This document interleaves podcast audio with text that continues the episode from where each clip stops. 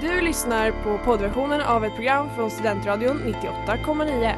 Alla våra program hittar du på studentradion.com eller där poddar finns. Av upphovsrättsliga skäl är musiken förkortad.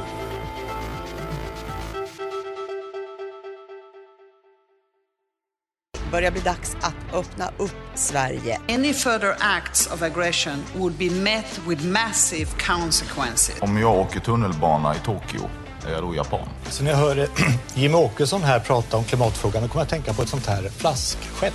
Vet. Hur kom du in hit egentligen? Det går fortare att åka till Pluto än att få en hyreslägenhet i, i Stockholms innerstad. Sen med PK, ditt inrikespolitiska program varje onsdag klockan 18.00 här på Studentradion 98,9. YOLO, you only live once. Hej! Det är onsdag igen och ni lyssnar på oss, Senlunch med PK på Studentradio 98,9. Eh, I studion är jag Märmär som är första gången ska leda det här programmet. Ja, och eh, det är jag, Sara.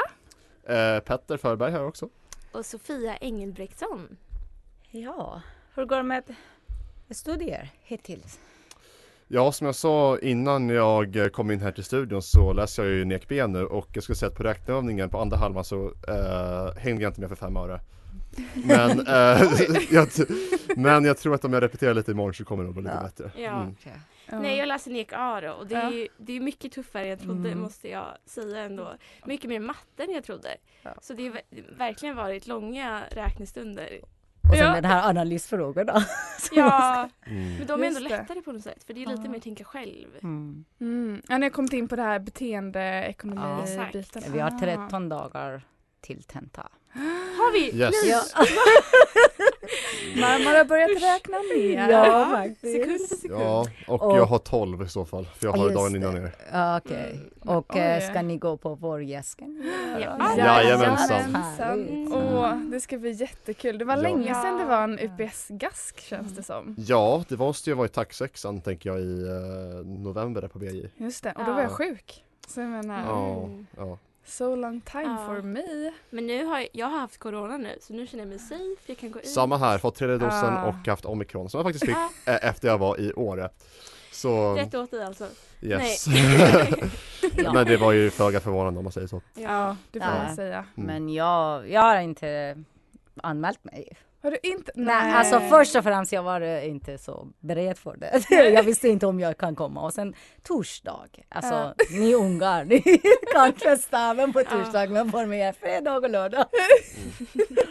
Jag förstår. Mm. Men för mig går det bra i skolan också, tackar Mm. som frågar. Men det är, jag börjar bli lite trött för jag läser statskunskap B nu då och det är mycket att läsa. Och man blir lite trött Mm. på det ändå. Ja. Mm. Och det är verkligen så, föreläsning en dag, sen läs fyra dagar och sen ett seminarium. Mm. Så det är väldigt så att man måste kämpa själv Ja. Ja, verkligen. för att hitta motivationen. Mm. Mm. Men om vi eh, byter ämne då från studierna till dagens ämne. Vad ska vi snacka om idag? ja, det är om internationella kvinnodagen. Ja! Yes, som faktiskt var igår. Mm. Eh, ja, och... Mm, ja, eh, det var... Interna, ja, igår var internationella kvinnodagen. Men jag har en fråga. Var det först eh, den 8 mars som valdes och sen internationella kvinnodagen eller var det först man hade bestämt om en internationella kvinnodagen och sen var det 8 mars? Jag tror, för jag har läst på SVT, att man först bestämde sig att man skulle ha en internationell kvinnodag dag och sen valde. Mm. Mm. Så vi Ja. återkommer till den. mer. Ja.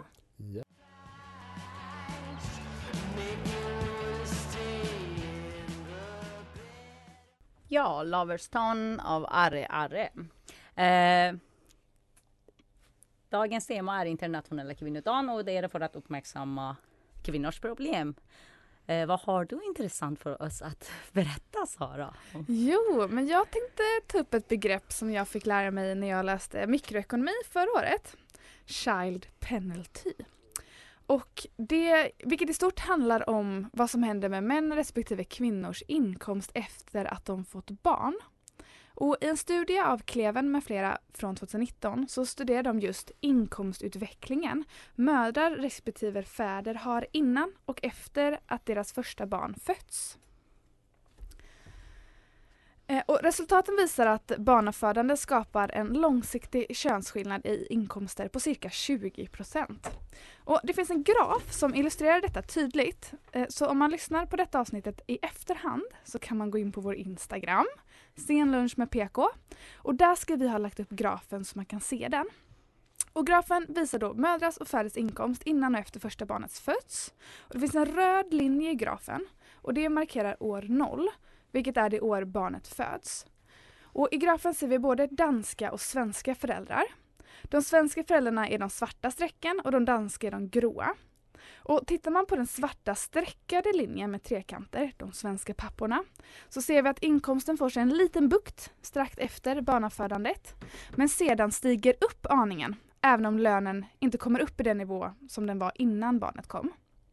Tittar vi på de svenska mammorna så ser vi ett drastiskt tapp i inkomst precis som börjar precis innan barnafödandet som efter två år ungefär stiger upp något men fortfarande är ganska långt ifrån inkomstnivån som kvinnan hade innan. Och något som är anmärkningsvärt är också förändringen i inkomstskillnaderna mellan föräldrarna. För innan födseln tjänar männen något högre men tio år efter födseln är skillnaden mycket större. Och när man gjort den här undersökningen så har man räknat bort effekter av att individen blir mer erfarenhet och eh, äldre med åren samt för inflation. Och när Kleven med flera tittar på liknande saker i, i liknande länder, eller samma sak i liknande länder, typ USA, Storbritannien, Österrike och Tyskland, så ser man en ganska påtaglig skillnad i hur child penalty tar form. Och vad kan det då bero på? Jo, studien lyfter två förklaringar.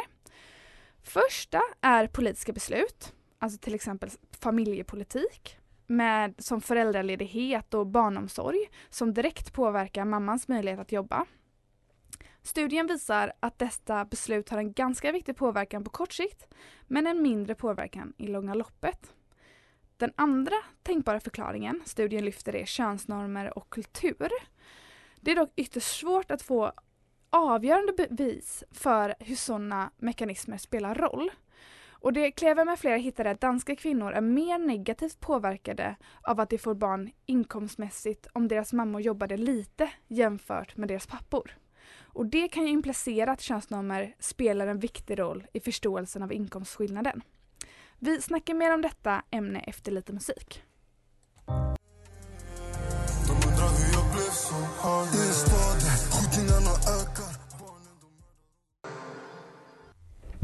Det var min stad av Dizzy.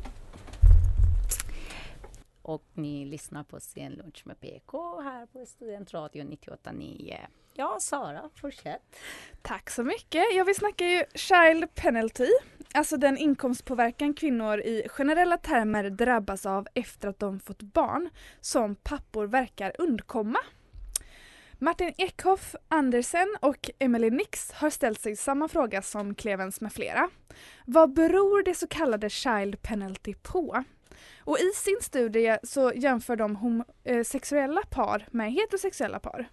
Och de säger att child penalty i lesbiska par är otroligt mycket mindre, eh, vilket skulle kunna implicera att child penalty inom heterosexuella par främst beror på preferenser kring vem som ska ta hand om barnet och könsroller snarare än att den största anledningen skulle vara de biologiska konsekvenserna av att man föder barn.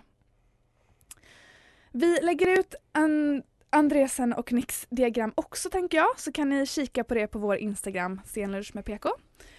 Ehm, och få se skillnaden mellan de heterosexuella paren och de lesbiska. Eh, Andreasen och Nix föreslår också två medel för att minska effekten av child penalty. De lyfter föräldraledighet och tidig subventionerad barnomsorg som två faktorer som kan spela roll. Hur känner ni när ni hör det här? Själv blev jag ju lite chockad första gången och så kände jag mig plötsligt tveksam till att skaffa barn. Ja, jag, jag, eh, alltså grejen är så här, när du tog upp det här så, så tänkte jag bara att eh, det här inte gjorde så mycket skillnad för att få bort min avsaknad av barnlängtan. Nej, för man såg även i Sverige att för män så går den ju ner lite grann. Ja, ja. ja det är så synd med män. Alltså, oh.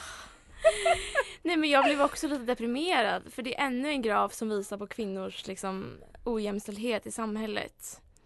Men jag tror, jag tror det är svårt att säga vad det beror på men det måste ju vara det här med normer att kvinnan ändå förväntas ta hand om barnet. Mm. Mm. Verkligen. Och jag tänker att kvinnorna ska bli mycket bättre att bli av med den här normen och lägga ansvaret Mm. mer på papporna. Absolut, men det är också så svårt. Jag tänker också så här i tid, eller om man har ett samhälle eller tänker typ att kvinnor är bättre på att ta hand om barn eller de vet hur man ska hantera det. Och eh, i en situation då man får sitt första barn, då tänker jag att båda föräldrarna är ganska osäkra. Mm. Men det kanske är enkelt för pappan då att bara oj, nej vänta, förlåt, jag, eh, du vet bäst. Liksom. Mm. Jag ska inte in här och säga hur vi ska göra. Ja. ja, det blir ju nog, det blir väl kanske inte så konstigt, något naturligt för mamman att ta hand om barnet för det är ändå vi som bär barnet och föder barnet. Ja. Men egentligen så är det ju lika mycket 50-50 Mm. på barnet. Så att Mm. det är ju egentligen bara normer. Och sen tycker jag att det är konstigt att lönen inte balanserar upp sig efter ett tag för kvinnorna. Att den fortsätter ligga lägre Ja. än männens. Ja. Det är det jag inte riktigt förstår. Men det, det kanske är för att kvinnorna är längre föräldralediga och det, det är, an, antas vara sämre på något sätt. Jag glömde kolla, hur lång är den där grafen? Hur många år? Tio år efter barnets födsel. Ja, är det ändå så mycket? Mm. Mm. Mm. Ja, det är väldigt intressant.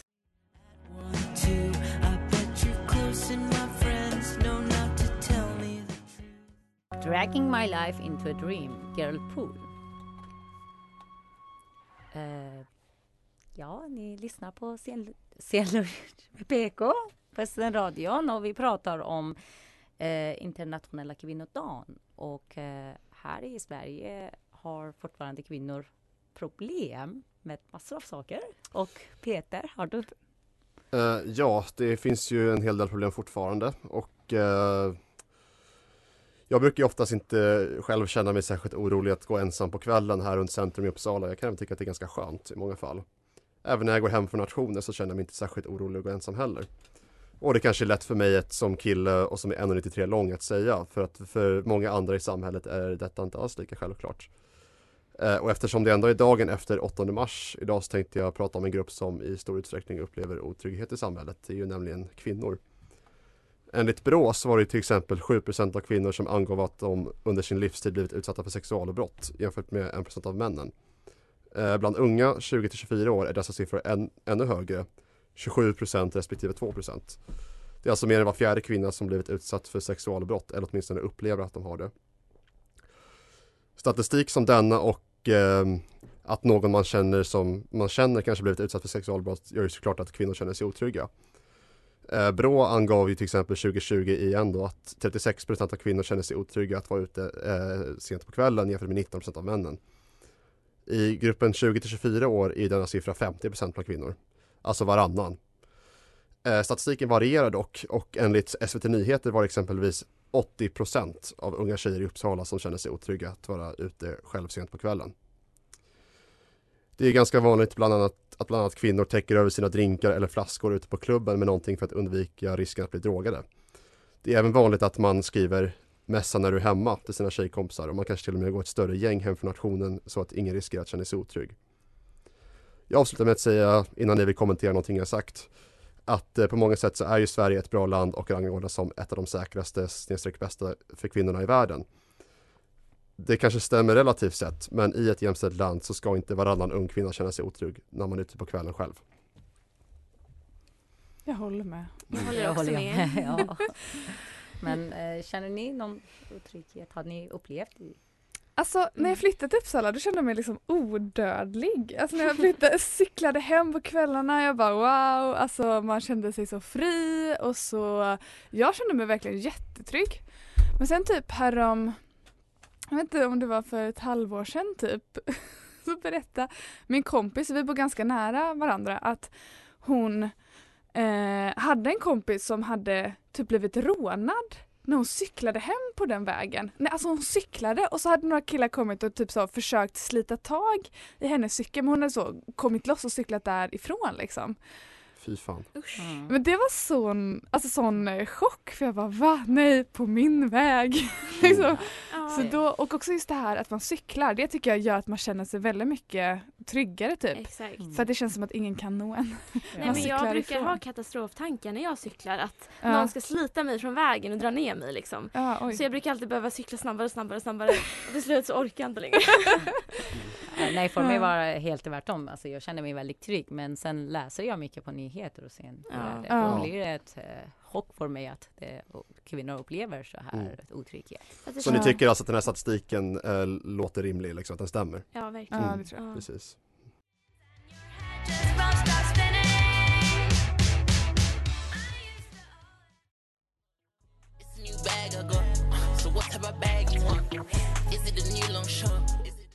I det här är Amanda Lind och du lyssnar på Sen lunch med PK.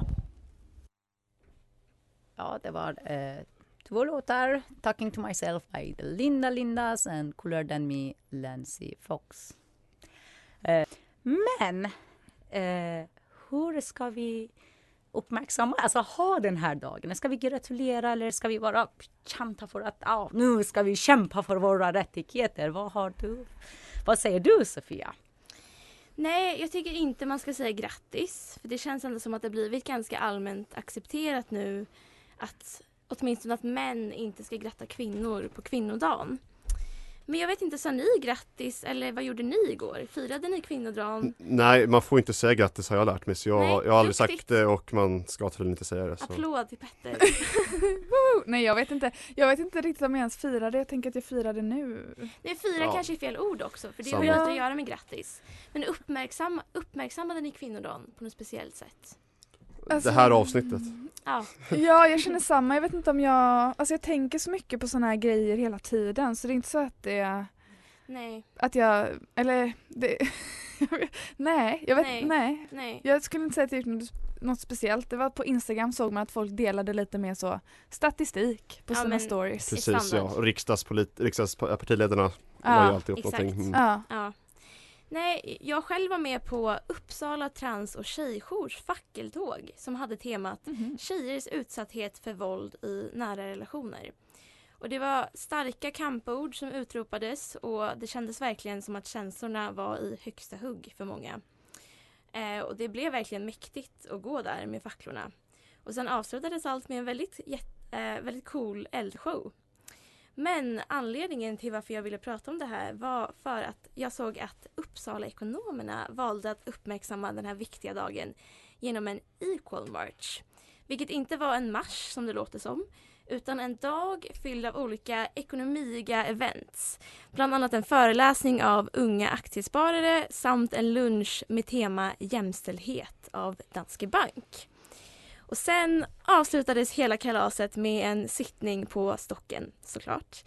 Där man, och det här är citerat från deras Facebook-event, skrev att firandet fortsätter på dansgolvet. Eh, jag var inte med på den här sittningen men jag blev så himla intresserad av hur diskussionerna såg ut igår och så för att få en inblick i hur de här ekonomernas feministiska verklighetsuppfattning såg ut så bestämde jag mig för att gå undercover på den här lunchen Men, som då var men. sponsrad av Danske Bank. Wow. Eh, och det bjöds på gratis sallad Ja. ehm, och en föreläsning av Danske Bank om hur de jobbar med jämställdhet. Och ja, det var ungefär som man kunde tänka sig. En massa, massa prat om att vi arbetar supermycket med den här frågan och vi behöver fortsätta jobba kontinuerligt med det här och vi gör otroligt mycket. Men de kunde aldrig nämna några exempel på konkreta åtgärder som de arbetade med. Mm. Eh, I alla fall, så jag kunde tyvärr inte vara undercover på sittningen. Så jag kan inte rapportera hur den blev. Men min kompis var med på förra årets kvinnodagssittning och han kunde bland annat berätta att det var i alla fall kvinnliga konferencierer som ledde tillställningen. Men tydligen så hade typ alla talare varit män.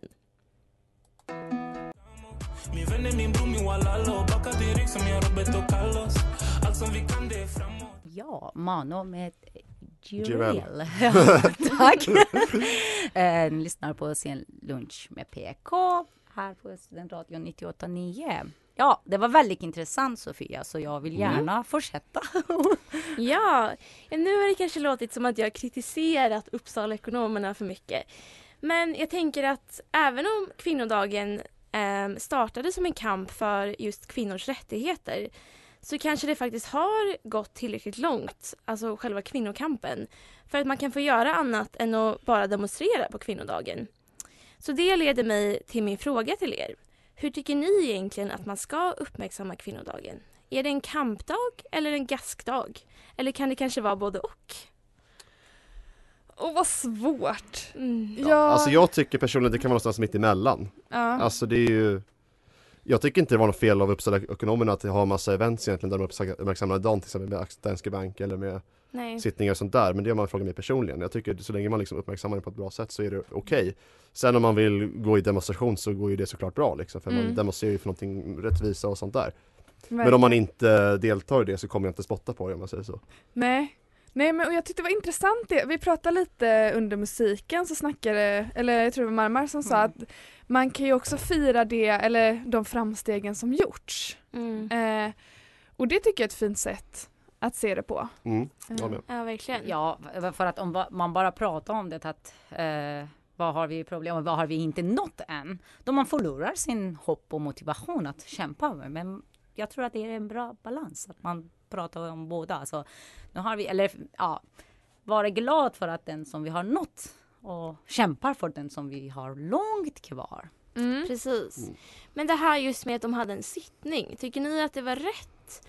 För jag tänker att de kanske åtminstone kunde gjort så att en del av intäkterna av den här sittningen kunde skänkas till någon välgörenhet. Eller någonting sånt. För nu blev det väldigt mycket så att det kändes som att det här var bara en fest för att fira kvinnodagen. Och speciellt med tanke på att de inte ens hade några kvinnliga talare verkade det som förra året. Tycker ni att det kändes, hur kändes, hur blev magkänslan när jag sa det där?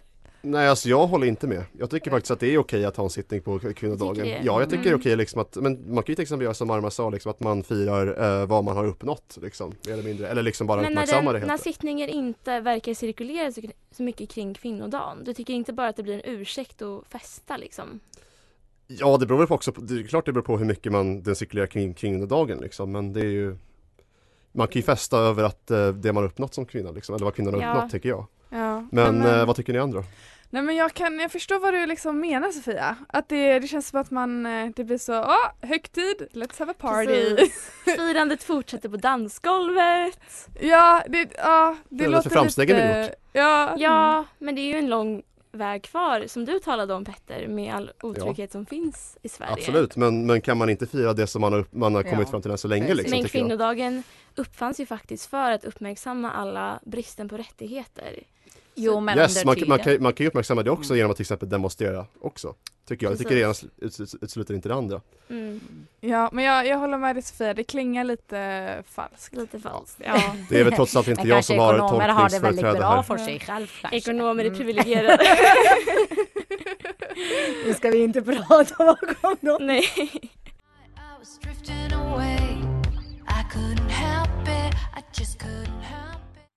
Hej, det här är Maud Olofsson. Du lyssnar på Sen lunch med PK. Välkommen! Ja, Petter.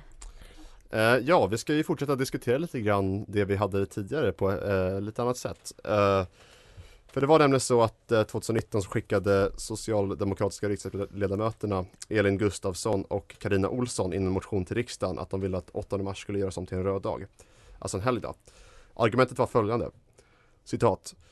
Som officiell helgdag kan dagen användas för reflektion och ge en ökad medvetenhet hos hela befolkningen att se denna orättfärdiga orättvis, rättfärdigade orättvisa mellan män och kvinnor.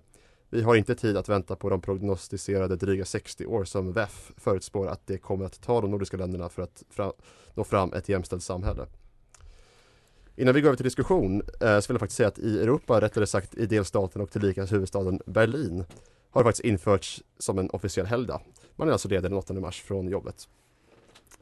Nu tänkte jag fråga vad ni tycker, borde vi göra samma sak här i Sverige? Alltså rent spontant känner jag ja, ännu fler röda dagar, Ja. jättegärna. Men det här kanske ger utrymme för mer fest och sånt där som man inte Exakt. ska göra eller? På kvinnodagen. Ja. Nej, men speciellt med tanke på hur lite lov och ledigheter det är på svenska universitet. Vi får ju inte ens, vi får ju inga lov. Nej, det är lite orättvist. Det är så sant. Jag känner också ja till mer ledighet. Mm. Eh, sen vet jag inte om det kommer tjäna syftet de tänker sig att man ska sätta sig ner och tänka. Eh, för jag hade nog gjort andra saker. Det är väl lite där jag tvivlar också. Alltså Ja. jag tycker det låter väl kanske, alltså på papper bra. Mm. Men kommer den, alltså del, dels liksom kommer, alltså är, är det verkligen bra att ha en ledig dag just då? Eller kommer det göra så att man inte uppmärksammar den som man ska göra? Mm. Eller Nej. borde göra? Mm. Ja, det tänker jag. Jag ska tänka att vi ska inte ha röd dag. För att det, alltså det är samma som en första maj. Eh, Arbetarna jobbar. De som är chefer går ut och har ledigt. Jag, jag var arbetare så jag jobbade. Det är mer Varje feministiskt att jobba maj. på kvinnodagen. Ja, precis. Det är det ju faktiskt. Va? Ja men vi kanske ska göra så att det blir en röd dag för männen då så kan kvinnor jobba extra. Nej, nu får du vara tyst. Nej, jag ska säga till exempel att kvinnor ska inte jobba. Det här blir ett bra sak. Men ja. Nej, där formulerar jag mig lite fel men är cancelled. Nej då, nej då, nej då. nej. Jag tycker att det är intressant att just Berlin har gjort det till en röd dag. För det är ju Mm. bara en stad. Ja det är ju Så- också en delstat eh, officiellt Ja, på papper det. i Tyskland. Men kanske Uppsala, Uppsala region kunde rösta om det. Precis.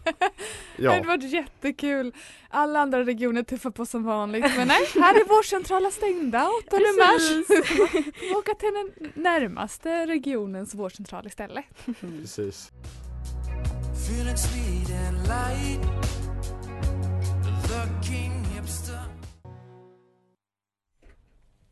Och här lyssnade vi på Kohol, Alex Cameron. Och jag glömde avföra detta låt, låten som var Reverie av Sahara Hot Nights.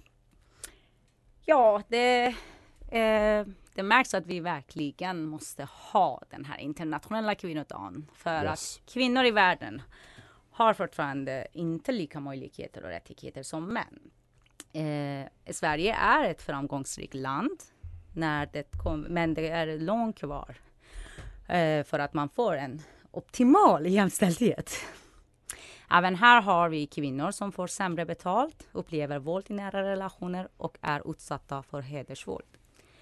Kvinnor mår psykiskt sämre och drabbas hårdare av vissa sjukdomar för att symptomen är baserat på manlig anatomi. Och kvinnor har andra symptom som är inte känd för vårdpersonal. Listan är lång och det är värt att man ut utöver eh, man jobbar och pratar om alla dessa problem eh, i en särskild dag. Men det är bra att man fokuserar och uppmärksamma ämnet och eh, hylla de fram, framsteg som vi tagit fram. Jag håller med. Mm, Mm. Verkligen. Yes. Så bra sagt. Och Ja. jag, tycker, jag tycker verkligen vi har haft ett roligt avsnitt idag. Ja. Tycker jag också. Ja. Det är nog det mest, eh, vad ska man säga, det närmaste vi har kommit partiledardebatten. Började sända. Även om jag tycker att vi ändå har betett oss väldigt eh, liksom bra. Respektfulla, ja. respektfullt. Mm. Heta diskussioner nästan. Ja, Ja. verkligen. Det hettade till där lite i mitten tyckte jag var roligt. Nästan lika, jag tycker den debatten jämfört om man är på samma nivå som monarkidebatten vi hade för någon vecka sedan. Mm. Riktigt starka Gud, känslor Alltså i den måste jag in och studion. lyssna på efteråt för Ja, jag har ja. inte hört den men det blir ju lite intressant att höra vad en superrojalist versus superrepublikan republikan säger. Ja, precis. Jag tyckte det var ett eh, intressant avsnitt precis som detta. Mm. Mm. Och här är det sen lunch med PK på Studentradio 98,9 och i studion är jag Märmär. Och jag Sara, Petter, Och Sofia. Och tack ni lyssnade på oss. tack så mycket. tack. Du har lyssnat på poddversionen av ett program från Studentradion 98,9. Alla våra program hittar du på studentradion.com eller där poddar finns. Och kom ihåg, att lyssna fritt är stort, att lyssna rätt är större.